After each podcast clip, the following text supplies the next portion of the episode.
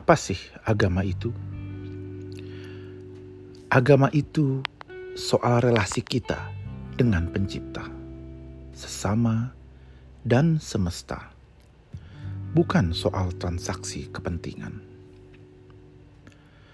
Agama itu mengajak untuk merasakan sentuhan Pencipta dalam amal nyata kita, bukan soal siapa yang paling benar.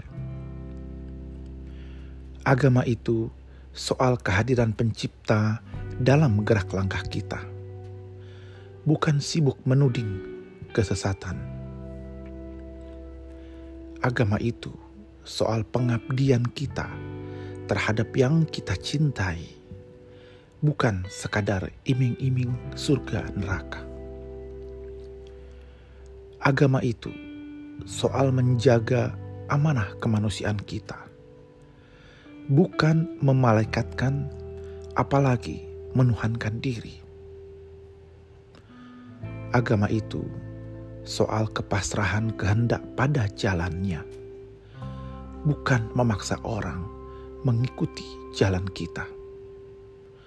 Terakhir, agama itu soal kedamaian dalam bersikap, bukan soal amarah dan dendam.